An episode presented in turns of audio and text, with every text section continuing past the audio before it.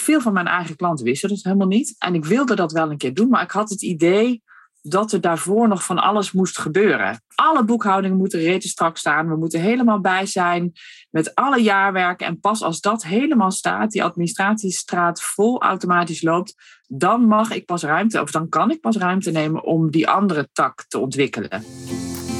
Als gevestigde ondernemer met een succesvolle business zijn het je overtuigingen en mindset die je belemmeren om volgende stappen te zetten. In het loslaten van die overtuigingen zit je sleutel naar meer rust en vrijheid.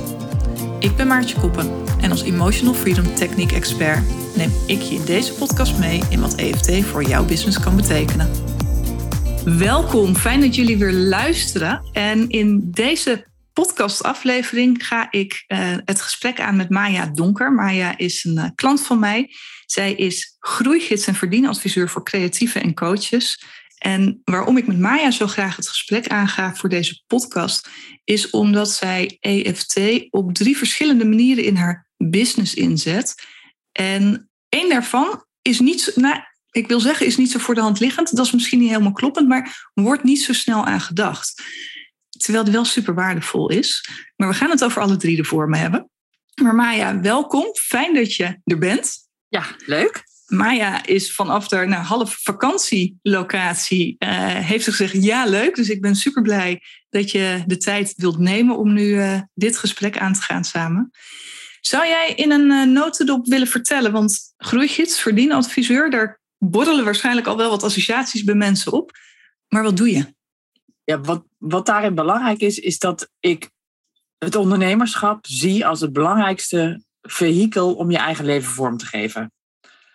Uh, en dat is voor mij heel belangrijk, dat je je eigen ding doet, helemaal vanuit jezelf verzint wat je leuk vindt om te doen, wat je goed kan en daar jezelf helemaal in ontplooien. En voor mij is ondernemerschap daar uh, de mooiste vorm voor, waarin je het meeste van jezelf kwijt kan. En wat we met mijn bedrijf van Knakenstein doen, is vanuit cijfers ondernemers begeleiden om van hun eigen leven een eigen feestje te maken. Ja, want van origine ben jij een oldschool boekhouder. Ja. Boekhouder, hè? Ja.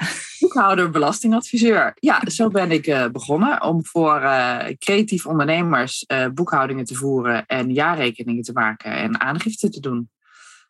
Ja, en dat doen wij nog steeds, maar ik doe daar heel weinig mee in. Dat het uitvoerende werk in boekhoudingen en aangiftes wordt gedaan door mijn team. En ik ben vooral bezig met, ik noem dat altijd, ik ben altijd met ondernemers het oude hoeren over, uh, over wat ze willen en uh, waar ze dan tegenaan lopen en hoe we plannen kunnen maken en vanuit cijfers en geldmanagement eh, die doelen halen en bijsturen. Dus het gaat om weten hoe het zit. Dus die boekhouding die moet reden strak op orde zijn. Um, en dat moet lopen en er moet een plan liggen. En daarop sturen we bij. Ja, super, uh, super interessant en waardevol ook. Hè? Ja, ja. En je zegt net al iets, um, iets heel moois van mijn team doet het uitvoerende werk rondom hè, de, de boekhouding. Ja. Um, die jullie nog steeds voeren voor heel veel klanten. Ja. En ik niet meer. Maar dat is niet altijd zo geweest, hè? Nee, dat is wel. Uh, dat heeft wel aanlooptijd gehad. Mijn, mijn langslopende medewerker daar werk ik al mee samen sinds 2012. En zij deed wel dingen via een payrollbedrijf. Uh, uh, deze boekhoudingen en voorbereidend werk voor jaarrekeningen. Sinds 2018 is ze in dienst. Maar sinds ik zelf de stap heb gemaakt van aan het werk zijn naar ondernemer zijn, heb ik pas het gevoel dat we een team zijn. En dat is eigenlijk heel gek. Want ik dacht, hoe zag ik het dan daarvoor? Ja, ik was van Knakenstein, was Maya, met een paar extra handjes. Um, en ik was, ik noem dat altijd, want je hoort dat het ondernemerschap is uitdagend en uh, uit je comfortzone. En ik dacht, nou, ik weet niet waar die mensen zo ingewikkeld over doen. Ik, ik was gewoon aan het werk. En, maar er, was, er vond bij mij een verschuiving plaats dat ik me meer ondernemer ging voelen en me meer als ondernemer ging gedragen. En toen kwam dat teamgevoel er steeds meer bij. En toen ben ik denk ik ook op, onbewust op een andere manier gaan delegeren en niet taken overdragen, maar uh, hè, verantwoordelijkheden overdragen. Dus dat is langzaam gegroeid. Maar ik ben altijd wel nog heel veel zelf en uitvoering blijven doen. En dat is sinds een paar maanden, gek genoeg, in een stroomversnelling. Even voor de luisteraars, want jij bent, we, nu we dit opnemen is het half, uh, of tweede helft juli. En jij bent eind maart ben jij gestart in de Dream Business Academy, hè? Ja. En eigenlijk had jij je slechts, tussen aanhalingstekens, opgegeven voor de training uh, doorbreek je eigen leer zelf je businessblokkades doorbreken met EFT. Want je wilde EFT in de vingers krijgen. Ja. Waarom wilde je EFT in de vingers krijgen? Nou, wat mij daarop triggerde was het benoemen van de blokkades. En ik werd me steeds meer bewust dat ik mijn eigen grootste saboteur was. En dat is natuurlijk, dat is natuurlijk uh, iedereen is zijn eigen grootste saboteur. Maar ik, nou ja, we hebben het in het eerste gesprek over gehad. Ik voelde me een soort van koningin zelfsabotage. Want ik begon steeds meer te merken dat ik een, een beeld had van wat ik eigenlijk het allerliefste wilde doen met die ondernemers. Mm is, is bijdragen aan hun groei en aan de ontwikkeling van hun ondernemerschap. Ja, dus echt in die, die groeigids en dat, in die verdienadviseur stappen. Ja, vol in die rol. Want ik heb een aantal klanten, uh, had ik al, waarmee ik dat al een aantal jaar doe. Dat gaat hartstikke goed. Die zijn hartstikke blij. Ik heb ook mijn rol bij Profit First Professionals. Daar ben ik hoofdcoach. Ja. Daar, dus ik coach al vijf jaar uh, uh, ondernemers. Maar mijn, veel van mijn eigen klanten wisten dat helemaal niet. En ik wilde dat wel een keer doen, maar ik had het idee dat er daarvoor nog van alles moest gebeuren. Uh, alle boekhoudingen moeten rete strak staan. We moeten helemaal bij zijn met alle jaarwerken. En pas als dat helemaal staat, die administratiestraat vol automatisch loopt, dan mag ik pas ruimte, of dan kan ik pas ruimte nemen om die andere tak te ontwikkelen. Ja, en het was niet alleen van het werk, het werk moet af zijn, maar ook ik, eh, ik moet in de processen nog van alles geoptimaliseerd hebben. Ja, dat moet allemaal nog veel beter voordat ik de ruimte kan nemen of mag nemen om die andere tak te ontwikkelen. Maar ik merkte dat ik mezelf zodanig aan het saboteren was dat ik er op een of andere manier een bende van maakte door te klussen te veel uit de hand te laten lopen. nou ja, een puin, kort gezegd, een puinhoop te laten ontstaan, zodat ik weer lekker druk kan zijn met die puinhoop opruimen.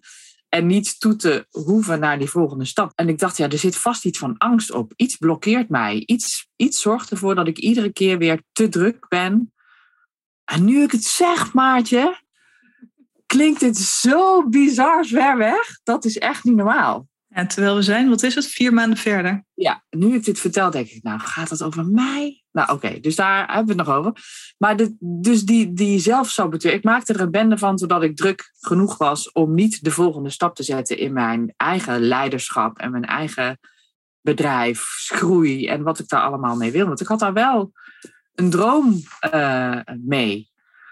Dus ik dacht, ja, ik zit mezelf te blokkeren op een of andere manier. En als ik dat kan doorbreken, ja, en ik had wel eens van EMDR gehoord. Ja. Dus ik wist dat het bestond, dat, je, dat er koppelingen zijn die je met een iets, met een activiteit kan doorbreken. Dus ik dacht, nou, dat ga ik maar eens doen. Ja. Koppelingen in je hersenen bedoel je dan? Ja, uh, er ja. worden dingen aangelegd en die, die werken niet. Dat is om de een of andere reden gebeurt dat. Maar op een gegeven moment heb je daar geen fluit meer aan en moet je er vanaf. Want nee. En dat, dat is het. Hè. Het is wel interessant dat je dit noemt. Dat heb ik in eerdere afleveringen nog niet zo volgens mij in ieder geval uitgebreid uh, uitgelegd. Maar wat het is op het moment dat je jezelf dingen vertelt, is je hersenen, uiteindelijk is je hersenen gewoon één week massa. Niet veel meer en niet veel minder. Die zijn dom. En op het moment dat jij dingen, uh, jezelf dingen vertelt, dan nemen je hersenen dat gewoon als waarheid aan. En op het moment dat jij maar continu hetzelfde op repeat blijft herhalen, uh, blijft vertellen, dan wordt dat zo'n olifantenpad wat ingesleten is. Ja. En zie daar dan nog maar eens uit dat pad te komen. En dat is EMDR kan daar inderdaad uh, mee helpen. EFT kan daar ook mee helpen. Echt in die hersenen dat olifantenpad gewoon door te knippen. Ja, dat maakt het voor mij. Ik vind dat waanzinnig interessant. Ja. Hoe dan? En tegelijkertijd, maar dat heeft dan, heb ik mij laten vertellen, te maken met mijn human design. Denk ik, ik hoef ook niet te weten hoe dan. Ik weet dat het zo is en dat het werkt. En ik zie de resultaten. Dat is voor mij genoeg. Ja. En wat het mooie is van, EMD, van EFT ten opzichte van EMDR, want er zitten echt wel ook grote uh, gelijkenissen in. Maar EMDR, ik heb het daar laatst ook nog weer met een psycholoog over gehad. EMDR kun je niet op jezelf toepassen. En EFT oh. wel. En dat is ook wat jij doet, hè? Ja. want um, stel ik zo meteen eerst nog eventjes terug. Naar we zijn inmiddels vier maanden met elkaar op pad. Want in het gesprek wat wij hadden ter voorbereiding op de training, besloot jij om niet alleen die training te doen om EFT zelf in de vingers te leren krijgen, om je businessblokkades te doorbreken, maar om gewoon een jaar lang uh, nou, vol de diepte in te gaan met mij. Wat was daarvoor de reden? Nou, in dat aanloopproces van ik zit met blokkades, uh, of ik zit mezelf, ik, ik haal er niet uit wat erin zit. Ik ben niet als ondernemer niet aan het doen wat ik het best kan misschien en wat ik het liefst wil. Dus ik ben niet. En dat is heel erg tegenstrijdig met wat je net in het begin in de intro vertelt. Van dat je hè, als ondernemer zo mooi precies kan doen waar jij het meest gelukkig van wordt. Exact. Ik vind het leven elke dag een feest. Ik heb een superleuk leven en een heel fijn bedrijf en leuke, fantastische klanten. Maar er was wel iets waardoor ik dacht, ja, eerst dit en dan kan pas dat. En ik voelde me heel erg duidelijk dat ik mezelf daarin saboteerde. Dus naast het idee van ik moet met blokkades aan de slag, was ik er wel van overtuigd, ik moet in een mastermind, of ik moet met een coach, of ik moet een business buddy, of ik moet iets. Ik moet met iemand in contact om uh, die ontwikkeling momentum te geven. Want dat, dat, dat doen mijn klanten, maar dat is ook bij Profits First Professionals hebben we ook in die groep mensen. Ja, we brengen mensen samen en met elkaar in contact en we coachen ze. En dat helpt ze om grote stappen te zetten. Ik denk, ja, ik moet dat zelf ook weer gaan doen, want dat is al een paar jaar geleden dat ik met een coach werkte. En wat voor mij heel erg belangrijk was, was de combinatie van één op één. Hè, dat, je lekker met, dat iemand jou lekker diep doorgraaft over uh, dingetjes. Die je verpakt. Niet laten ontsnappen. Precies. En uh, de dynamiek van een groep. Want in een groep kan je zo fantastisch veel samen uh, met elkaar en van elkaar leren. En ik wist niet dat jij dat deed. Ik dacht dat jij alleen, uh, alleen één op één deed, geloof ik. En ik, het was een hartstikke leuk gesprek. En er waren allerlei raakvlakken ineens. Ja, bizar veel, hè? Ja, die we niet wisten. En toen zei je ook nog dat, je, dat jij juist één op één aan de groep combineert. Toen dacht ik, nou, fuck it, ik moet dit gewoon doen. Cool. En toen zijn we van start gegaan. En ik weet nog dat je, nou ja, dat je ook heel eerlijk en open was over, je hebt het net zelf al verteld, dus dat herhaal ik gewoon nog eventjes, maar over die, die Queen uh, zelfsaboteur. En je vertelde ook van eigenlijk, volgens mij zei je, probeer ik al tien jaar lang de vrijdag vrij te nemen. Ja, ja, nou misschien niet helemaal tien, maar op een gegeven moment was het echt al jaren dat ik, uh, dat ik de vrijdag als vrij, of, nou, dat ik dacht, ik zou wel op vrijdag vrij willen. Volgens mij is dat inderdaad, dat is al wel tien jaar zo, dat ik dat eigenlijk wil. Sinds een jaar of drie, denk ik, staat die geblokt in mijn agenda. Die vrije vrijdag. Ja. Maar die had ik nog nooit genomen. En bizar, hè? Nooit, nooit. nooit. Echt Terwijl je het wel wil en precies ook weet waarom je dat wil. Ja, maar daar, daar was ik dan denk ik toch niet genoeg mee in verbinding of zo. Want ik liep me gewoon te veel meeslepen in de lekkere drukte. En het, het stomme was ook dat ik. Ik had allerlei escape knoppen ingebouwd in mijn bedrijf. Daar hebben we het ook over gehad. Ja. Die vrijdag was gewoon een van de escape knoppen. Als je het niet gedaan kreeg in de andere dagen, dan kon het altijd vrijdag nog. Vrijdag. En het stomme daarvan was dan weer dat ik dan die vrijdag had maar pas tegen een uur of twee productief werd of zo. Want die vrijdag die opende zich dan toch als een soort van blanco canvas, waarbij ik, waarin ik nog dingetjes af kon gaan maken. Waarop nooit afspraken gepland stond. Dat was dan weer het fijne resultaat van die dag blokken als vrije dag. Er konden nooit afspraken ingepland worden. Maar dan ging ik toch, dan ging ik dan heel rustig aan. En toch, wat ik dan op andere dagen niet doe, beginnen met de mail, en uh, wat kleine dingetjes doen en mijn eigen betalingen gaan zitten doen. En dan meteen eens duiken van, oh, wacht even, hoe zit het met die personeelskosten? En dan ging ik weer zitten berekenen. Had ik weer een... je in de cijfers, want daar ben je van? Weer in allerlei cijfers en dan zo. En dan, uh, dan pas na de middag ging ik de klussen afwerken waar, waarom ik eigenlijk die vrijdag überhaupt achter mijn computer zat. Dus dat sloeg echt nergens op. Nee, en toch deed je het. En dat is het, weet je, dat is zo'n mindfuck van ik wil, ik wil het anders. En het slaat echt nergens op wat ik nu doe. En toch weten we het niet te doorbreken. Dit is zo'n bijzonder mechanisme als je er seks zo naar kijkt. Ja, dat slaat echt nergens op. En het is, wat is het dan in het moment? Had ik dat dan in het moment niet door? ja, misschien niet altijd. Of ik sloot me daarvoor af. Ik ging gewoon de dingen doen. Ik, ik liet me meevoeren in een korte termijn ding. Want dat was het ook. Het schakelen tussen de korte termijn en de lange termijn. En ik was alleen maar bezig met dingen die op de korte termijn zijn. En ik heb inmiddels wel geleerd, ook van andere coach, iemand die is aangesloten bij de, bij de PFP's, dat het schakelen tussen korte termijn dingen en lange termijn dingen, dat dat heel moeilijk is. Dus op het moment dat je heel druk bent met deadlines en dat soort dingen, mm dat is ons vak natuurlijk wel regelmatig aan de gang, is het heel moeilijk om in die helikoptertransit om je weer te verbinden met die lange termijn dingen. Dat is gewoon voor een brein heel moeilijk. Maar dat kan je wel trainen. En dat was voor mij al een heel mooi inzicht, waardoor ik denk ik ben gaan zien van, oh ja, ik verlies me steeds meer in die korte termijn en ik moet de connectie weer maken met de lange, met de lange termijn en dat beter leren afwisselen met elkaar.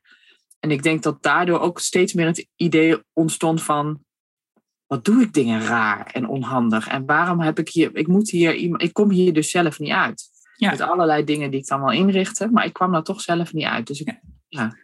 Nou ja, en het, uh, een van de eh, patronen die dan ook um, ontstaan, is dat je op een gegeven moment heb je het door. En je, je vertelt jezelf sowieso van alles waardoor, en jij niet specifiek, maar meer mensen uh, als luisteraar zul je dit misschien ook wel herkennen. Je vertelt jezelf allerlei verhalen waarom die vrijdag toch echt wel heel fijn is om nog als escape te hebben. Ja. Dus daar ga je in geloven. En anderzijds, als je doorhebt van ja, oké, dat is misschien niet waar wat ik vertel, of misschien is het wel waar, maar ik wil het eigenlijk anders, zie je in dat je jezelf aan het saboteren bent. En op het moment dat je dat inziet en je gaat jezelf dat vertellen en je hebt het er misschien ook met anderen over, dan wordt dat, als je niet oppast, ook een self-fulfilling prophecy. Ja. Want ook dat geloven je hersenen. Ik ben queen zelfsabotage. Nou ja, als je jezelf dat maar vaak genoeg vertelt, is het daarmee oké om jezelf te saboteren. Je hoofd denkt dat niet, maar zo voelt het wel. Ja. Ja. Want dat is wat er dan in het hoofd gebeurt. We houden, um, uh, ons hoofd houdt niet van iets wat, wat niet in lijn is met elkaar. Dus op het moment dat we ons zelf vertellen en dat echt zijn gaan geloven, omdat we het maar keer op keer zijn gaan blijven herhalen, dat we heel goed zijn in zelfsabotage.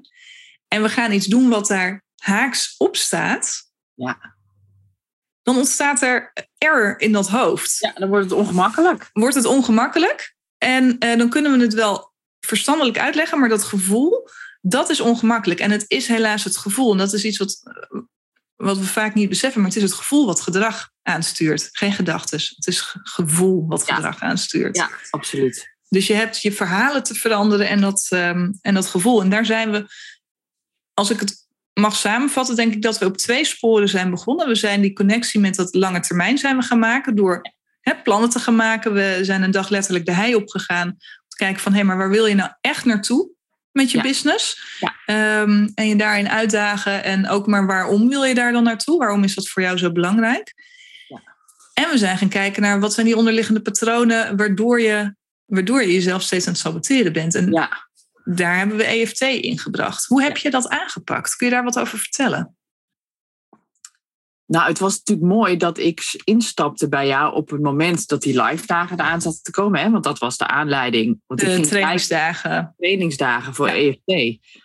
En nou, dat viel dan allemaal ook heel mooi op zijn plek. Want ik ging kijken en toen, toen was het een dag in april en een dag in mei. En die kwamen perfect uit. Dus daar begon dat. En het grappige was bij die eerste dag. Dat was best een heftige dag, want daar waren nog niet zoveel, was nog niet echt een doorbraak, behalve dan dat ik erachter kwam dat het de angst voor de angst was die mij zo blokkeerde. Ja. Want ik wist wel, ik denk, ja, ik zit mezelf te saboteren. Ik, ik hou mezelf ergens tegen. Ik ben blijkbaar ergens bang voor. Maar waar ben ik dan bang voor? En daar, daar was ik dus bang voor. Dus dat was de uitkomst van die eerste. eerste ja, je kon er niet echt bij, hè? Ik kon niet bij dat gevoel en ik kon niet bij die angst.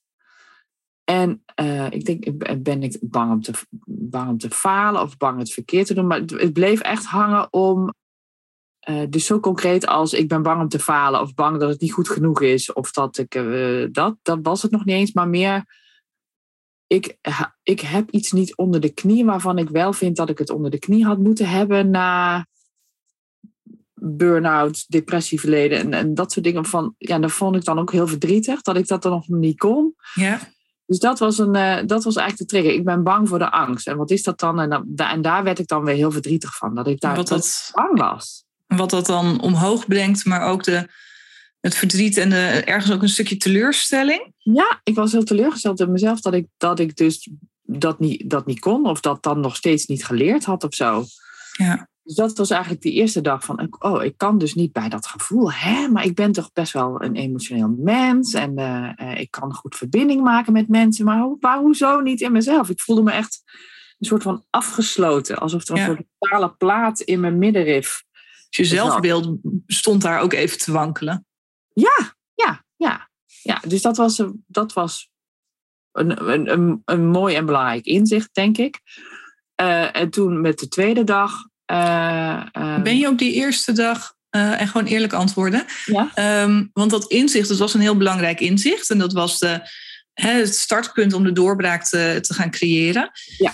Heb je daar ook al een stuk doorbraak gecreëerd? Of is het bij dat inzicht gebleven? Oeh, dat weet ik niet meer zo goed. Ik ben in ieder geval niet zelf nog door gaan tappen tussen die twee sessies in. Want ik had nee, maar je bent, wat ik me herinner is tijdens de, uh, de training ga je, oefen je ook op elkaar.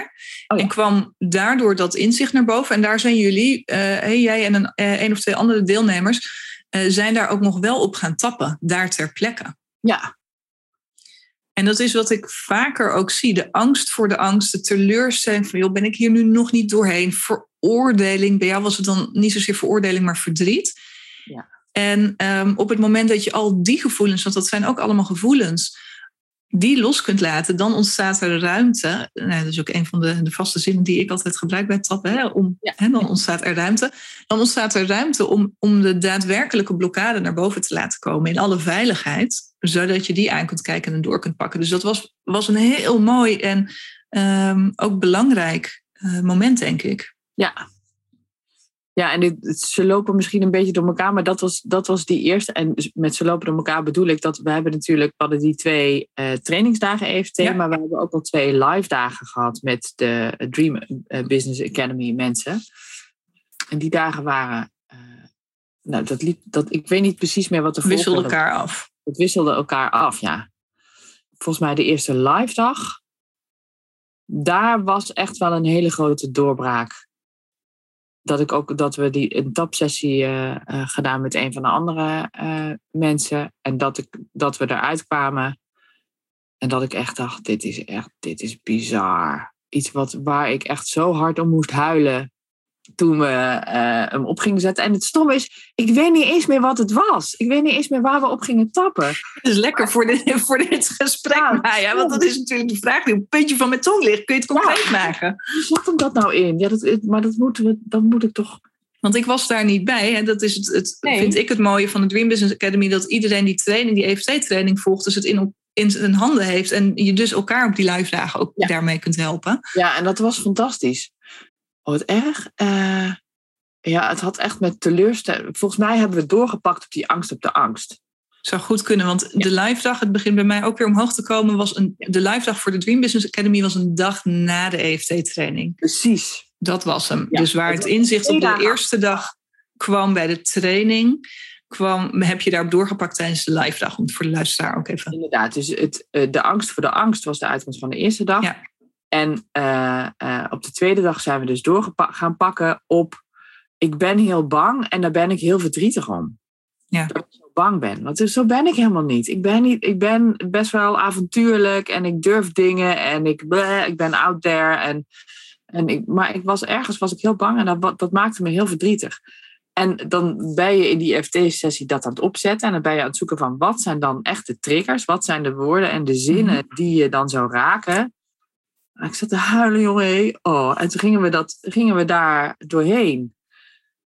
En dan voel je jezelf dus gewoon rustiger worden. En, dat, en toen waren we klaar. En toen gingen we dan nog even dat riedeltje af van... Ja, je bent ook bang. En uh, wat, de, al die gevoelens die dan zoveel verdriet oproepen. Ja. En ik moest een soort van... van echt, hè? Was er niet meer. Het was niet meer waar. Het was gewoon niet meer waar. Dat ging niet meer over mij. Nee. En het stomme was dat ik op die dag meteen al zei van... Nu kan ik zeggen, ik was heel bang en daar was ik heel verdrietig over. Alsof het iets ging over, over vroeger of zo. Ja. Maar dat was twintig minuten geleden. Ja, bizar hè? Ik was heel bang en daar was ik heel verdrietig over. Echt, nou ja, dus dat was echt heel, eh, heel bizar. En wat heeft dat uiteindelijk betekend? Want zo'n zo'n verlossing, dat, dat, nou ja, dat, dat is het bijna, is natuurlijk heerlijk in het moment. Maar ik hoorde luisteraar ook al denken van ja, oké, nice. Maar hè, hoe ging het daarna vervolgens? En wat, wat zie je nu wat je anders doet? Want je bent daar nog, hè, er, er zijn nog meer EFT-momenten geweest. En wat doe je nu anders? Ik heb mijn agenda weer omgegooid, want die zat gewoon niet handig in elkaar, waardoor er letterlijk meer ruimte is voor ontwikkeltijd. Ja. En die ik nu ook. Ja, want wat eh, een essentieel detail daarin is van je hebt hem niet alleen in je agenda staan, maar je pakt hem ook, hè? Ja, want het, was, het stond dan in de agenda, maar dan was het toch een klus die af moet of iets anders wat ik dan de- belangrijker vond. Mijn eigen betalingen, regelingen of weet ik veel iets. Of waardoor een andere reden waardoor het nog niet kon, eh, ging ik dan toch andere dingen doen en nam ik dat ontwikkelblok niet. En nu doe ik dat wel. En wat heel veel heeft veranderd, en dat is ook in, de, in een van onze eh, maandelijkse gesprekken, dat jij ook zei van ja, dat ga, ga dan gewoon pak in je dagelijkse routine dat je gaat mediteren, dat je gaat schrijven en dat je gaat tappen. Want ik had nog helemaal niet zelf getapt. Nee. En nou, ik, heb een, ik heb een ochtendroutine met, eh, maar die is meer fysiek, met yoga en ademhaling en eh, dat soort dingen. Mhm. En tijd om te mediteren, dat had ik ooit wel eens gedaan, zo, zo'n periode, maar dat liet ik dan weer varen. Dus dat ben ik gewoon heel braaf gaan doen. Zo'n uur met oefeningen en me- tien minuten mediteren en tien minuten schrijven en tien minuten tappen. En het, het mooie is dat ik al vanuit die fysieke dagstart ontstaat er al een soort van intentie. Met die intentie ging ik dan, eh, ga ik dan die meditatie in Mhm. ik ja, kijk dan even terug op die, die periode, wat dat betekend heeft. Die meditatie die bracht dan weer eh, dingen op gang. Dan ging ik schrijven. En dat had dan hè, met, met een, eh, eh, een visie te maken, of waar je heen wil, of waar je naartoe wil. En dan ging ik schrijven. En ik merkte dat tijdens dat schrijven altijd wel een blokkade opkwam. Bijvoorbeeld, dan zat ik schrijven over, en dan was het vrijdag of vrijdagochtend. Want ik deed het ook in het weekend en ook gewoon dagen achter elkaar. Elke dag deed ik dat, die ochtendriedel. Ja, als je het hebt over dedication. Ik heb, ben dat wel gewoon gaan doen. Want ik denk, ja, ik moet. de- Want jij zei, ik zie het dan als een challenge met jezelf. Doe het gewoon tien dagen achter elkaar. En, en zie wat dat brengt. Ga het Ja. nou gewoon even doen. En dan vind ik ook, als je een, als je een coach neemt, get a great coach and be coachable, zei John Bates ook. Zoek iemand waarvan je oprecht denkt, die kan, daar kan ik wat mee. En doe dan ook potdikke gewoon wat hij zegt. Want als je, eh, als je niet een great coach vindt, ja, dan moet je het niet, dan moet je gewoon niet in zee gaan. En eh, als, als je wel denkt dat je een goede coach hebt, waarom zou je dan in godsnaam niet doen wat hij zegt? Dus ehm, eh, dat was, nou, oké, Maartje zegt het, dus dat, ja, dan moet ik het gewoon doen. Dat is het, dat is het natuurlijk. Dachten ze dat thuis nou ook maar eens? Nee, onzin.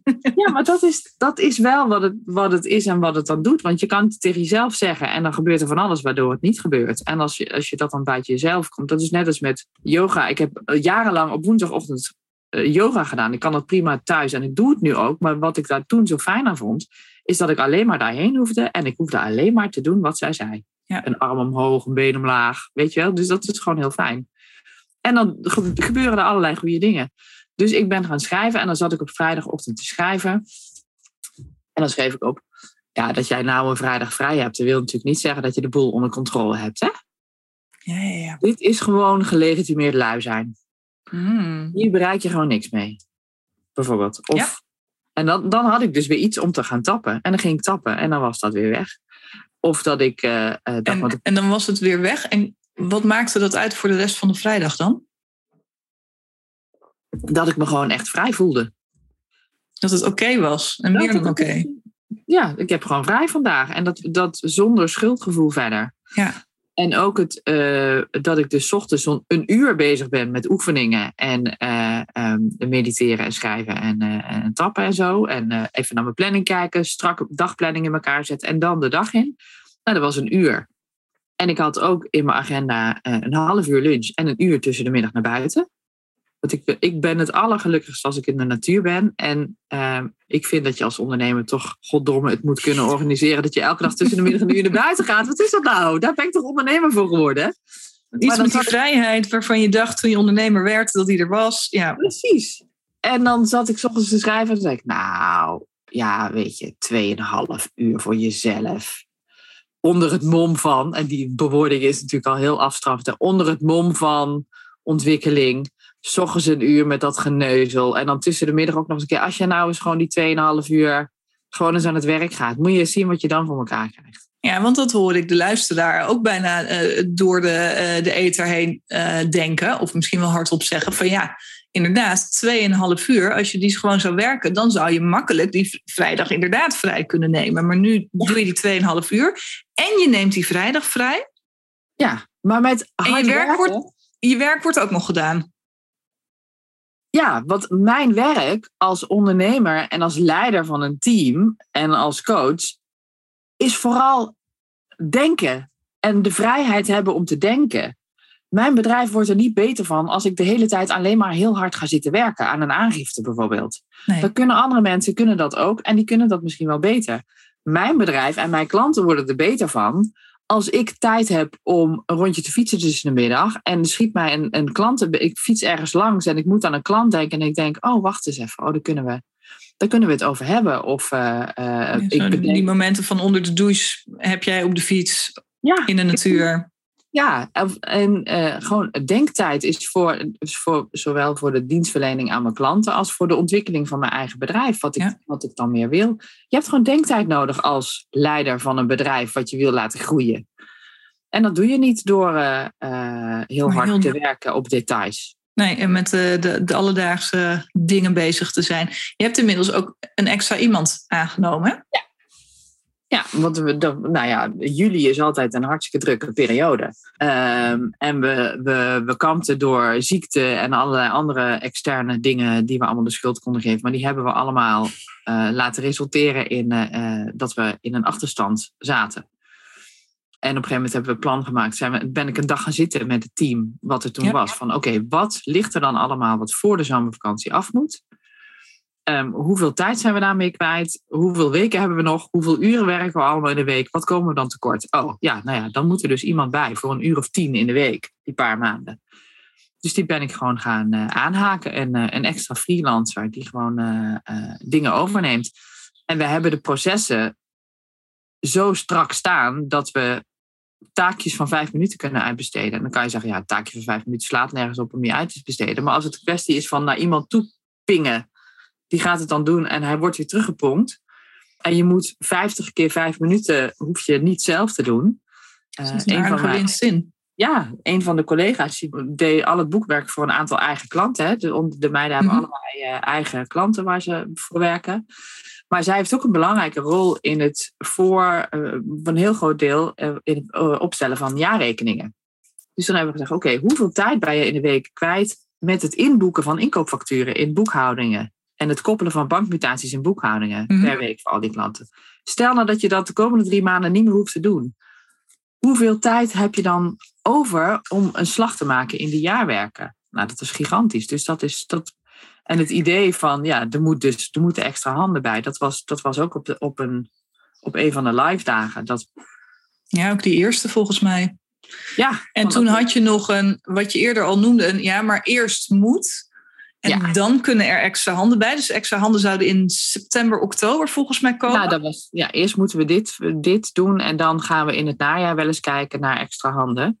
Maar op die dag was gewoon heel helder. Nou, als dit is wat ik wil, uh, dan moeten we dus zorgen dat we die escape-knop maar eens een keer uitschakelen. Ja. Want wat, wat wij doen, heel eerlijk, wij zijn geen hartchirurg. Hè? Ik roep altijd, er komt nergens bloed uit. Uh, vaak vinden wij een deadline van de Belastingdienst nog belangrijker dan de ondernemers waar we voor werken.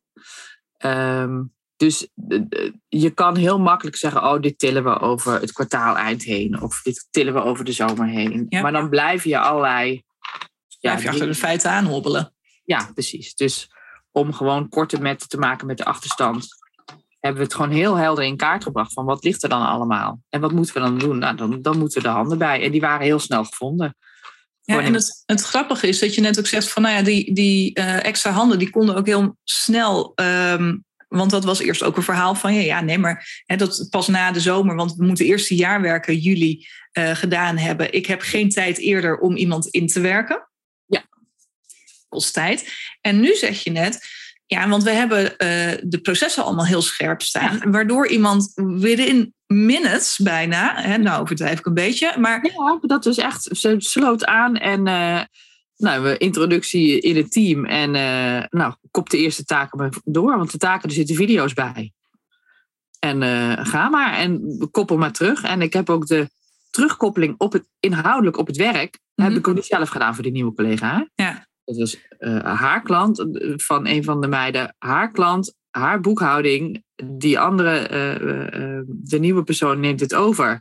Dus dat komt weer terug bij mijn collega. En die gaat dan zeggen: Ja, maar dit doen we eigenlijk altijd anders. Ja, daar hoef ik, heb ik, helemaal niks, ik heb daar niks aan hoeven doen. Nee, dus je bent ook veel sterker in die leiderschapsrol gaan staan. Ja, absoluut. Je hebt daar ook echt enorme sprongen in gemaakt. Dat ja. zie ik. En wat is het, het mooie is, maar ook het verneukeratieve. En ik zie dat, ik zie dat bij heel veel klanten is die, die als-dan redeneringen. Eerst moet dit en dan kan dat. En op het moment dat je dat zegt of dat je dat denkt, dan klinkt dat ook heel logisch en als volstrekte waarheid. Ja. Terwijl, en dat is het verneukeratieve, het vaak dus niet eens waar blijkt te zijn. Nee. Want hè, je zei, eerst moeten de processen op orde. Ja, die processen waren al zo goed op orde dat het gewoon al kon. Ja. Maar het maakt niet uit of het klopt of niet wat je denkt in die als-dan-redenatie. Op het moment dat jij die als-dan-redenatie gelooft, als je hem voelt, ja, dan betekent het dus dat je dingen gaat uitstellen. Ja. En op het moment dat je daar dat verschil uh, kunt zien. Ja, dan wordt het gewoon volkomen logisch wat de eerste volgende stap is. Ja. Mooi. En dat, dat zijn we gaan inzetten. En dat, uh, en dat werkt gewoon heel goed. En dat speelt mij dus heel erg fijn. Want ik, de, het bizarre gebeurt dus nu dat wij hebben een uh, super planning voor alle jaarwerken. Mm-hmm. En dat hebben we zo strak in elkaar gezet dat wij wel met 30 jaarwerken tegelijk bezig kunnen zijn zonder het overzicht te verliezen. Dan ben ik met andere mensen, ben ik daar ook weer een, een uh, uh, zijn we dat ook weer gebruiken om een training te maken voor boekhouders en accountants, zodat ze dat ook kunnen inrichten. Ja. Dus dat is wel heel leuk. Dus dat ik op die manier ook ruimte dus nu heb om mijn experts, wat ik daarin heb geleerd, ook weer aan andere, met andere Door mensen te geven. delen. Ja, en dat verzinnen en bedenken, daarover nadenken, doe ik ook niet als ik er heel hard aan het werk ben. Nee. Dus uh, dat staat gewoon heel strak. En wat er dus nu gebeurt, is dat mijn bordje van jaarwerken, daar ligt nauwelijks wat op. Want er komt iets bij mij en ik, er zijn dan een aantal fiscale dingen die ik moet checken, want Mhm. dat, dat ligt dan wel bij mij. En dan kop ik, maar dat, en dat is dan tien minuutjes en dan kop ik hem weer door, want dan moet er weer een groter brok werk verzet worden. Ja, die doe ik dus niet zelf. Ja. En wat voor per jaar werk? Wat voor tijd scheelt het jou? Wat voor tijdswinst heb je? Uh, nou, ik denk dat ik er het afgelopen, de afgelopen vier maanden in het nog strakker delegeren. Want ik, ik vond dat ik dat al heel goed deed. Maar ik ontdekte allerlei lusjes die ik zelf nog. Je was daar heel happy mee toen wij de e- eerste gesprekken hadden. Zei van, joh, dat doe ik supergoed. Dat team dat staat en we zijn totaal op elkaar ingespeeld. En dat loopt lekker. En ik heb totaal geen moeite met loslaten. Dat was het verhaal wat je vertelde. Ja, en dat, en, um, uh, maar ik ontdekte dus, om, omdat gewoon door onze samenwerking heel duidelijk werd dat ik niet moest wachten, dat het moment dat ik zou wachten op de ruimte die dan ging ontstaan, dat dat niet komt. Mm-hmm. Dat het een kwestie was dat ik die ruimte moest pakken. Ja, toen ging ik glashelder zien waar nog allemaal mogelijkheden zaten om nog meer dingen uit te besteden. Dus Ja. de taken die bij mij lagen, die ben ik gewoon gaan doen en in de video gaan zetten. En heb ik gewoon doorgekopt van, oh ja, dit is een brokje, dat doe ik zelf. En dat, is, dat zit al zo procesmatig goed in elkaar, daar hoef ik helemaal niet meer zelf. Nee. Maar omdat het wat complexer was, stond hij nog bij mij. Ik ben er een video van gaan maken, die heb ik doorgezet naar een collega van, dit ga jij vanaf nu uh, doen. Dan is het dus aan die collega om daar in de planning dan weer een takenlijstje van te maken. Want Ja. ik doe het gewoon en, en dan doe je dit en dan doe je dat en dan doe je dat. Maar de subtaken die worden dus in de planning gezet, niet door mij. Nee, nee, Daar- dus daarin ben je ook weer aan het delegeren. Maar hoeveel, hoeveel tijdswinst? Oh, uh, uh, uren. Uren en hoeveel jaarwerken doen jullie? Uh, dik 100. Ja, oké, okay, dus reken maar even uit, luisteraar. Er is heel veel tijd ontstaan voor die 2,5 uur, waarin ze met blokkades, et cetera, uh, aan de gang gaat en gewoon lekker de natuur in gaat en daar op briljante ideeën komt. Ja. Er is tijd ontstaan om die briljante ideeën uit te werken in ontwikkeltijd. En er is Ja. tijd ontstaan voor die vrije vrijdag. En, want ik zei aan het begin, hè, er zijn drie manieren waarop je EFT toepast. Dit is de, de eerste voor je eigen blokkades, door dat schrijven, door dat mediteren en ze dan aan te pakken. De Ja. blokkades die opkomen. Ja. Wat ben je in die ontwikkeltijd aan het doen? Kun je daar wat over vertellen? Eh, en, en hoe je EFT daarin meeneemt? in die ontwikkeltijd, even denken. Ik ben gaan nadenken over hoe ik mijn bestaande klanten en, en eventueel nieuwe klanten een aanbod kan doen op basis van die coaching en kwartaalgesprek. En vanuit de cijfers eh, sturen. En, Richting. en daarbij nog meer ook naar je klant toe je expertstatus pakken, hè? Ja, precies. Dus dat, en dat was ook weer zo grappig dat ik dacht, oh, dan moet eerst dit en dan moet eerst dat. Maar ik ben gewoon gaan kijken met de klant waarmee ik al een aantal jaren werk en wat gewoon super eh, goed gaat. Maar het stomme is dat op heel veel vlakken die processen heel erg strak staan. Maar ik ook merk dat ik het bij die klanten soms ook weer net even anders doe. Dus ik ben ook die ontwikkeltijd aan het gebruiken om gewoon heel strak die processen allemaal weer op te lijnen. Zodat er gewoon de proces van een rapportage maken. Welke cijfers haal je daar dan uit? Hoe verwerk je die in een heel beknopt overzichtje, wat heel visueel is. Waarbij je in een kwartaal of bij een maandgesprek dat een ondernemer meteen ziet hoe die ervoor staat. Dat er een soort van agenda is. Uh, dus dat, daar ben ik gewoon allemaal heel erg scherp naar aan het Dus kijken. optimaliseren enerzijds. Optimaliseren. En dat ik dat dus ook makkelijker kan gebruiken voor uh, nieuwe mensen die daarop in willen Ja. stoppen. Op een gegeven moment viel gewoon het kwartje. Want ik had dacht geval, ik moet eerst die dienst ontwikkelen. En dan moet dat staan. En dan, dan kan ik dat naar buiten gaan brengen. Dan kan ik iets met marketing gaan doen. Want ik heb echt nog nooit iets aan marketing gedaan. Klanten kwamen gewoon. Ja, en dat was de, een combinatie van enthousiaste klanten en dus doorverwijzingen. Uh, mijn bedrijfsnaam is op een of andere manier een hele leuke. Uh, Van ja, fantastisch. Dus, uh, en ik denk ook in de gesprekken mijn enthousiasme voor ondernemerschap. Dat mensen ook het gevoel hebben van, oh ja, hier, hier ben ik thuis. Maar dat is vooral nog op administratiegebied. De, wekelijks krijg ik nog mailtjes en berichtjes van mensen die op zoek zijn naar een boekhouder. En mijn naam hebben doorgekregen van iemand. Ja. Terwijl jij nu, en dat is waar we mee bezig zijn samen ook, die stap wilt maken richting. Ja, meer coaching. Meer coaching, ja. Ik dacht, is er nog een andere mooie naam voor, maar dat is waar het feitelijk op neerkomt. Veel meer coachend. Ja. Op basis van die cijfers die er nog steeds zijn. En dus maar echt die andere rol pakken en daar een ander aanbod op, um, ja. op creëren. Hey, en um, dat andere aanbod, hè, of dat nieuwe aanbod. Hoe breng je, uh, wat heeft EFT voor rol daarin? Nou, dat begint, dat was natuurlijk een beetje zoeken van hoe kan ik dat nou doen. Hè? Mensen komen dan toch, als mensen mij inschakelen als, als groeigids of als verdienadviseur, zodat ik dat, zoals ik dat dan noem, dan schakelen ze me al in op een ander vlak dan alleen voor de boekhouding. Want ja. weet je, alle, alle klanten die alleen maar zo, zeggen, ik zoek een boekhouder, want die aangifte moet gedaan worden, die, die, die, daar zeg ik al nee tegen. Dan gaat het over uh, uh, de boel structureren, een plan maken, doelen stellen en dan daarheen werken. En dan kan het natuurlijk niet anders dan dat je blokkades tegenkomt. Mensen die, die vertellen dat een verdienmodel en dat ze niet een ander verdienmodel kunnen. Dus op geld zit. Geld is emotie. Ja. En, en, en uh, ik noemde straks John Bates, altijd, die, is een, die traint sprekers. Die zei een keer tegen een groep Profit First Professionals: realiseer je wel, je hebt het met mensen over hun geld. Niet alleen hun zakelijk geld, maar voor ondernemers is zakelijk en privégeld zo met elkaar verweven. Mm-hmm. En geld is iets heel intiems. Hij zei: You're talking about their money. You might as well be talking about their genitals. It's that intimate. Zo intiem is dat vaak. Het ja. gaat over geld, het gaat over wat je belangrijk vindt, waar je geld aan uitgeeft, waar je, wat, je, wat je triggers zijn ook, wat je valkuilen zijn. Dus dat kan niet anders dan dat je daar blokkades in tegenkomt. En ik heb bijvoorbeeld een van de dingen die ik doe, is een, uh, een plandag. Daarin gaan we van het grotere plaatje, hè, dus de, de, de lange termijnvisie, naar een plan van hoe ga je dan wat jij wil en wat jij wil doen met klanten wat voor diensten horen daar dan bij? Mhm. Welke, welke werkvormen horen daar dan bij? Daar gaan we getallen aan hangen. Wat, wat, zijn, wat brengen die diensten dan op? En welke kosten moet je dan maken? En wat wil je dan voor salaris? En dat soort dingen. Ja. En dan maken we de vertaalslag naar geld. Geldmanagement, daar gebruiken we uiteraard Profit First voor. Van hoe kan je, oké, wat komt er dan binnen? Wat zijn de doelen die je dan met dat geld hebt? Dus welke eh geldbank, eh, moeten we dan bouwen? Hoe- Geldmanagementstructuren moeten we dan bouwen om te zorgen dat al die doelen gediend worden? Dus we gaan van het grote plaatje naar een plan, naar getallen, naar geld. Mhm. En in die slag van het grote plaatje naar eh, wat ga je dan doen met je klanten, daar eh, heeft EFT ook een plek. Dus de verhalen die mensen zichzelf eh, vertellen, Mhm.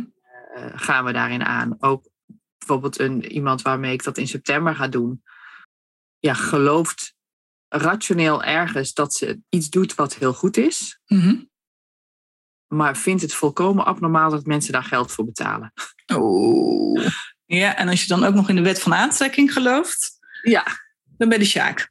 Ja, dus dat is ook, ze weet dat ze dus iets doet wat ze heel goed kan. Ze weet ook rationeel dat als je daarop doorvraagt, dat haar klanten daar heel blij mee zijn. Een, een klant van haar zegt letterlijk, zonder jou had mijn bedrijf niet meer bestaan. Ja, wauw. Vindt zij het diep van binnen volkomen belachelijk dat mensen geld betalen voor iets wat haar zo makkelijk afgaat. Ja, bizar hè? En dat kun je verstandelijk, begrijpt ze waarschijnlijk prima als je haar vertelt van joh, het is waanzin dat je dit zo voelt. Ja. Verstandelijk begrijpt ze dat. Ja. Want het is niet achterlijk. Nee, dus dat, en dat, zit, dus dat zijn van die overtuigingen die heel diep zitten, waarvan je soms dus niet weet dat je ze hebt. Hè? Ja. de absolute doorbraak dat ik dacht, oh, effing hell, ik heb hier echt met een heftige blokkade te maken, was dat ik een, eh, een, eh, een webinar van een eh, Amerikaanse Profit First collega aan het volgen was en het ging over blokkades. En zij riep dingen en je moest dan zonder na te denken dingen op te schrij- opschrijven. En zij vroeg, ik kan niet een succesvol bedrijf hebben en tegelijkertijd puntje, puntje, puntje. En toen schreef ik op een goede moeder zijn. Dat geloof ik helemaal niet. Dat vond ik zo belachelijk dat dat uit mijn pen rolde. ja. En toch ergens diep van binnen zat het er kennelijk. Is dat wat ik mezelf vertel? En Ja. ook iets over heel hard werken. Dus de- en dat is wel de grootste trigger die bij mij af is gegaan. En de grootste hobbel die ik met verschillende EFT-sessies heb weggetapt. Want die kwam op verschillende manieren weer helemaal over. Ja. Dat succes en geld verdienen, dat dat zwaar bevochten moet worden. Dat het zwaar en moeilijk moet zijn. ja, want dat is wat je ook van huis uit hebt gezien hè? Ja, gewoon hard. Je moet hard werken. Ja. En dat is, eh daar is niks mis mee met hard werken. Maar op het moment dat je daar niks aan hebt, omdat je al- alleen maar zorgt dat je dus heel hard aan het werk bent, dus niks, geen enge dingen hoeft te doen, ja, dan schiet je daar niks meer op. Schiet je je doel voorbij. Nee, en ik weet zelfs nog dat jij op een gegeven moment tijdens die, die dag op de hei samen zei... Ja, en daar doe ik het ook heel lekker op, hè? Hard Ja. werken. Ja. Dus er zat een, ook een stuk trots in. Ja. En don't get me wrong, eh, hè, ook, ook jij luisteraar. ehm, als je je daar lekker bij voelt, moet je het gewoon vooral doen. Maar ik hoop dat dat dan echt uit een ehm, oprechte, bewuste, vrije keuze, vrije wil is. Ja. En niet vanuit een moeten, bewust of onbewust. En het hè, van ja, maar ik doe het daar zo lekker op. Je sprak hem uit en ik keek je aan en je schoot zelf volgens mij ook al in de lach. En ik dacht van, oh kak. Ja. dit is ook zo een waardoor ik hem natuurlijk ook alleen maar in stand hou. Ja, absoluut. Dus dat, dat geloof dat het allemaal eh, hard en zwaar moet zijn. En dat is natuurlijk in deze periode van juli, dat ik zo heel relaxed gewoon dingen aan het doen ben. En ook aan het, dus aan het schrijven ben. Want het kwartje van, er moet van alles staan. Die dienst moet volledig ontwikkeld zijn voordat ik iets met marketing kan of mag gaan doen. Dat was eh, op een gegeven moment op, op weg op de fiets naar een live dag viel dat al denk ik nee ik moet gewoon als ik wil dat mensen weten op welke manier ze het leukst en het best met mij kunnen werken omdat andere klanten zeggen dat dat zo is moet ik dat gewoon nu gaan doen want een van de eerste acties ook in de ontwikkelding was gewoon eh, mijn beste en mijn leukste klanten interviewen Ja. dat waren waanzinnig mooie gesprekken Toen dacht ik, ja, maar dit, is gewoon, dit moet ik gewoon de hele dagen doen. Ja, en hoe heerlijk zou dat zijn? Open doen. Dus nu wij dit uh, gesprek hebben, zijn sinds uh, een week, sinds anderhalve week, zijn mijn eerste drie mails naar mijn klanten gegaan. En daar staan op die, we hebben dus een, een nieuwe soort van lijst waar alle klanten in principe op staan, maar ook gezegd van als je dit uh, niet zit te wachten op dit soort uh, niet-fiscale informatie, meld je dan vooral lekker af. Ja. Uh, dat hebben nauwelijks mensen gedaan, dus dat is allemaal weer grappig. Daar zijn ook andere mensen, uh, komen daar ook bij, hè, die het leuk vinden om ja. dat te doen. En ik plaats ze door op LinkedIn. En er komen zulke leuke reacties op. Dus ik ja, ben dus je bent voor het eerst van je leven ben je gewoon marketing gaan doen en met resultaat. Nou, echt. De, de, de call to action is plan een afspraak in mijn agenda. En de eerste Voor twee. na je vakantie, want je gaat Oh, eerst zo meteen gewoon heerlijk met vakantie een maand. Ja, precies. Ik heb in augustus heb ik vrij. Dus, uh, uh, dus de eerste gesprekken staan gewoon al gepland. En dat was dus uh, het eerste artikel en een dag later stond de eerste afspraak en het tweede artikel en een dag later stond de tweede afspraak. En dat zijn dus gesprekken voor dat nieuwe aanbod. Ja. En Ja, dat gaat voor wat je tot nu toe altijd al deed. Nee, en dat nee. nieuwe aanbod, mag ik het zeggen, het staat nog niet 100%.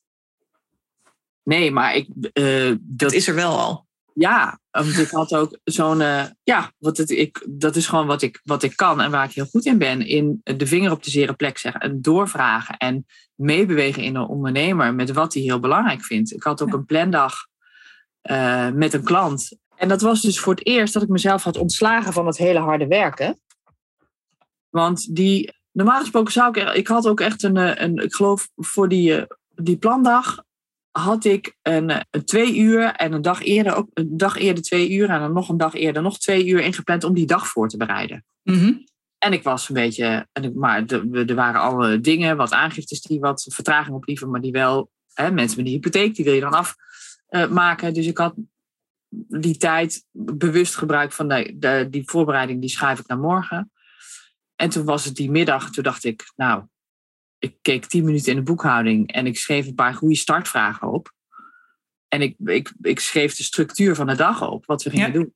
Toen dacht ik, nou moet, ik nou, moet ik nou een heel scenario gaan uitschrijven? Ik denk, nou, volgens mij heb ik hier gewoon, kan ik gewoon vertrouwen op dat ik dit kan. Dat dit een, een hele gave dag gaat zijn. En die klant was waanzinnig blij. Ja, mooi is dat. En dat was gewoon, dus ik, dat was voor het eerst dat ik mezelf toestond om te vertrouwen op mijn expertise en gewoon op dat ik dat kan, zo'n dag. En dat dat voor die klant heel waardevol is. Zonder dat ik daar heel veel tijd Vier uur voorbereiding voor nodig heb. Dus, ja, super. Ja, en dat is echt het resultaat van uh, trappen. Want dat, heb ik, dat was echt een nieuwe ervaring van... Oh, hé, hey, oh, zo makkelijk mag het toch niet zijn? Dat ja, precies. Die veroordelingen. Ja, zo makkelijk mag het wel zijn. En zo makkelijk moet het zijn. Want zo kan ik met heel weinig uh, voorwerk heel veel klanten helpen. Want Precies. mijn klanten. Veel meer impact maken. Ja, ja super mooi. Elke dag een, een hele dag moet gaan zitten voorbereiden. Nee, onzin. Kan veel makkelijker, mag veel makkelijker, is ja. helemaal oké okay en vaak nog veel waardevoller. hey, omwille van de tijd, want ik ja. respect luisteraar, we zijn al net op weg inmiddels in dit gesprek volgens mij, maar je bent er nog steeds super cool. We hebben twee punten gehad waarop je EFT inzet voor jezelf in dat nieuwe aanbod, aanbod voor de klant, want die ja. Dat kan niet anders dat hij bewust, maar zeker ook onbewust tegen blokkades aanloopt die maken dat hij niet ja, zo winstgevend is als dat hij zou kunnen zijn. Ja. Op een moeiteloze manier. Ja. Maar je zet hem ook nog op een andere manier in, hè? Ja, dat is een hele mooie. Ik, heb, ik werk met een team. Wij starten elke maandagochtend met z'n allen. Trappen we de week af. En ik heb op verschillende weken in uh, momenten in de week incheckmomenten met mijn team. We zijn een volledig virtueel kantoor. We zijn inmiddels met z'n zessen, maar iedereen werkt gewoon thuis. Uh, dus alle contacten zijn online. Met één keer in het kwartaal een live werkdag. Nou, uh, niet belangrijk. Maar ik had zo'n incheckmoment met een teamlid. En ze zat er gewoon niet zo lekker bij. Dus ik vroeg, ik vroeg daarop door. En toen werd ze emotioneel. En toen zei ze, ja, ik, ik, ik, het lukt niet goed om mijn uren te maken. Ik ben niet zo lekker. En, ik vroeg daarop door. Want zo'n zo'n vertrouwensband is er wel. Mhm. En ja, zij zat zichzelf te vertellen dat ze mij verschrikkelijk aan het teleurstellen was. En ik moet daar dan altijd heel hard om lachen. En dat is al jaren zo dat ik tegen haar zeg van, of dat ik tegen mijn teamleden zeg van ja, shit happens. We zijn een heel flexibel bedrijf. Het gaat erom dat het werk gedaan wordt. En komt allemaal wel goed.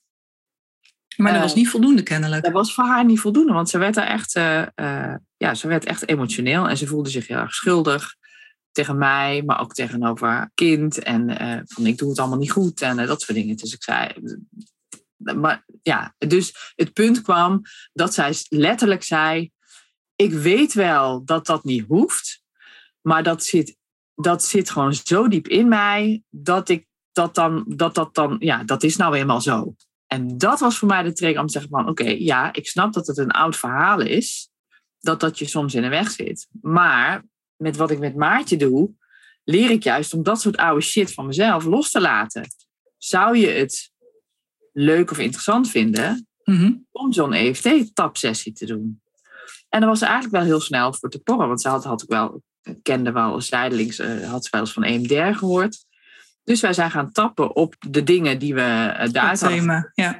En toen ging ze van een, een, negen naar een zesje, geloof ik. Dus dat van, ja, want je, je checkt van tevoren de intensiteit, hè? hoe, de, hoe de blokkade, hoe, hoe intens die aanwezig is. En dan gaf ze in eerste instantie een negen. Ja, dus dat gevoel was heel heftig. En het was ook echt uh, met tranen en zo. Van ja, hoe hard voel ik dat dan? Een negen. Toen gingen we een rondje tappen. En toen zat ze op een zes. Toen zijn we gaan kijken van waar zit het daar dan in? En dat zat vooral op de teleurstelling. Dat ze mij teleurstelt. Mhm. Als, als, leider, als leidinggevende. Ja. Dat ze vooral mij, maar ook uh, een kind. Dus, dus we zijn echt op die teleurstelling nog even gaan doortappen. Ja. En toen ja, hebben we die blokkade gewoon weggewerkt. En hij was gewoon weg. Hij was gewoon weg. Intensiteit nul.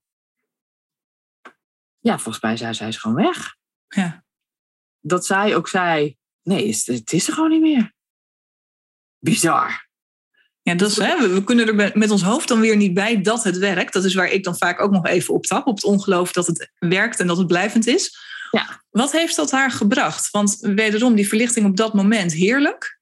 Ja, nou, ik merkte meteen ook in, daarna gewoon meer rust bij haar. Mhm. En het gekke is dat ze door zichzelf dus meer rust toe te staan in, ja, uh, dit is gewoon niet helemaal mijn dag. Ik ga mm gewoon even wat andere dingetjes doen en uh, uh, dat, is, dat is prima. En dat voelde voor haar dan ook echt prima. Ja.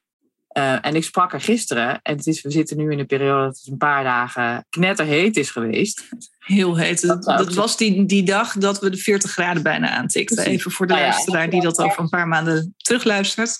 Het was bloody hot. Ja, dus dan... En dan... Ze zei dus... Ja, uh, ik zit hier en ik begin vroeg. Maar op een gegeven moment is het gewoon niet te harde. En ik woon ergens waar het gewoon... Uh, ik doe mijn best, maar niet echt heel cool te krijgen is. Ja, dan ga ik gewoon wat anders doen. En daar zat gewoon nul schuldgevoel op, omdat ze ook weet van, nou, dan ga ik vanavond nog even zitten. Of, dus het was veel minder hangen en burgen. Ja. Dus in de, in de, de periode dat ze zei van, oké, ja, nu uh, lukt het wel, of ik ga even op een andere manier mijn werk invliegen, kon ze dat met veel meer ontspanning doen. Dus ze is daar ook uiteindelijk veel productiever door. Nou ja, dat wilde ik vragen. Want even advocaat van de duivel, heerlijk als iemand echt voelt van... oh, het is allemaal oké en, en, ik hoef me er niet schuldig door te voelen. Maar als dan het werk niet afkomt, heb je natuurlijk als werkgever wel een issue. Maar dat is dus niet het geval. Nee, dat is niet het geval. Want, op, want ze, ze heeft gewoon scherper, staat zichzelf toe om daar eerlijker in te zijn. Want omdat ze zich dan schuldig voelde naar mij toe, dwong ze zichzelf vaak om te werken op het moment dat haar systeem eigenlijk zei: Dit heeft nu niet zoveel zin. Ja. Dus ging ze eh, met hangen en wurgen een ingewikkelde puzzel oplossen in een boekhouding. Toch door, ja. Dat doe je dan 2,5 uur over.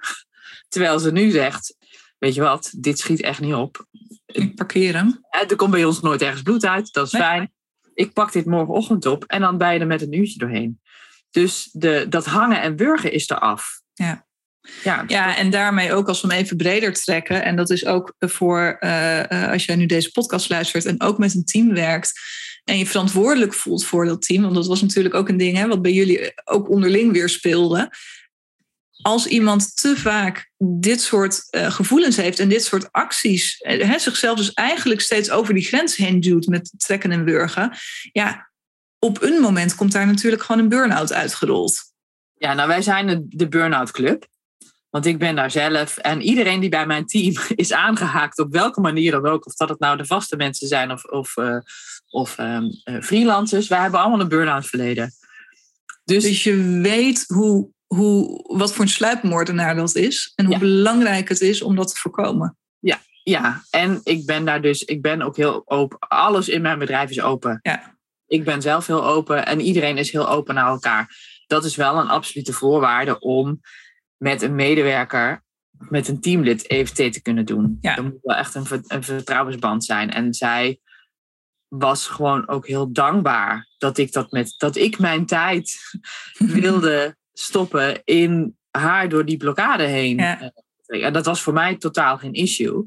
Maar dat was dus voor haar wel een ding. Dat ik dus mijn tijd. Ja, ja, ja. ook nog weer. Hè? Aan iets waar zij uh, tegenaan liep. Ja. En dit hele verhaal is doorspekt met. Luister, spoelen me eventjes gewoon tien minuten terug. Het is doorspekt met aannames en overtuigingen over wat de ander wil niet. En het, het haakt allemaal op elkaar aan. En het mooie is dat als je dan het onderliggende weghaalt, dat alles wat er bovenop gestapeld is, het gaat gewoon weg direct. Omdat die basisovertuiging er niet meer is. En het he, dondert als een kaartenhuis in elkaar als het ware, maar dan in positieve zin.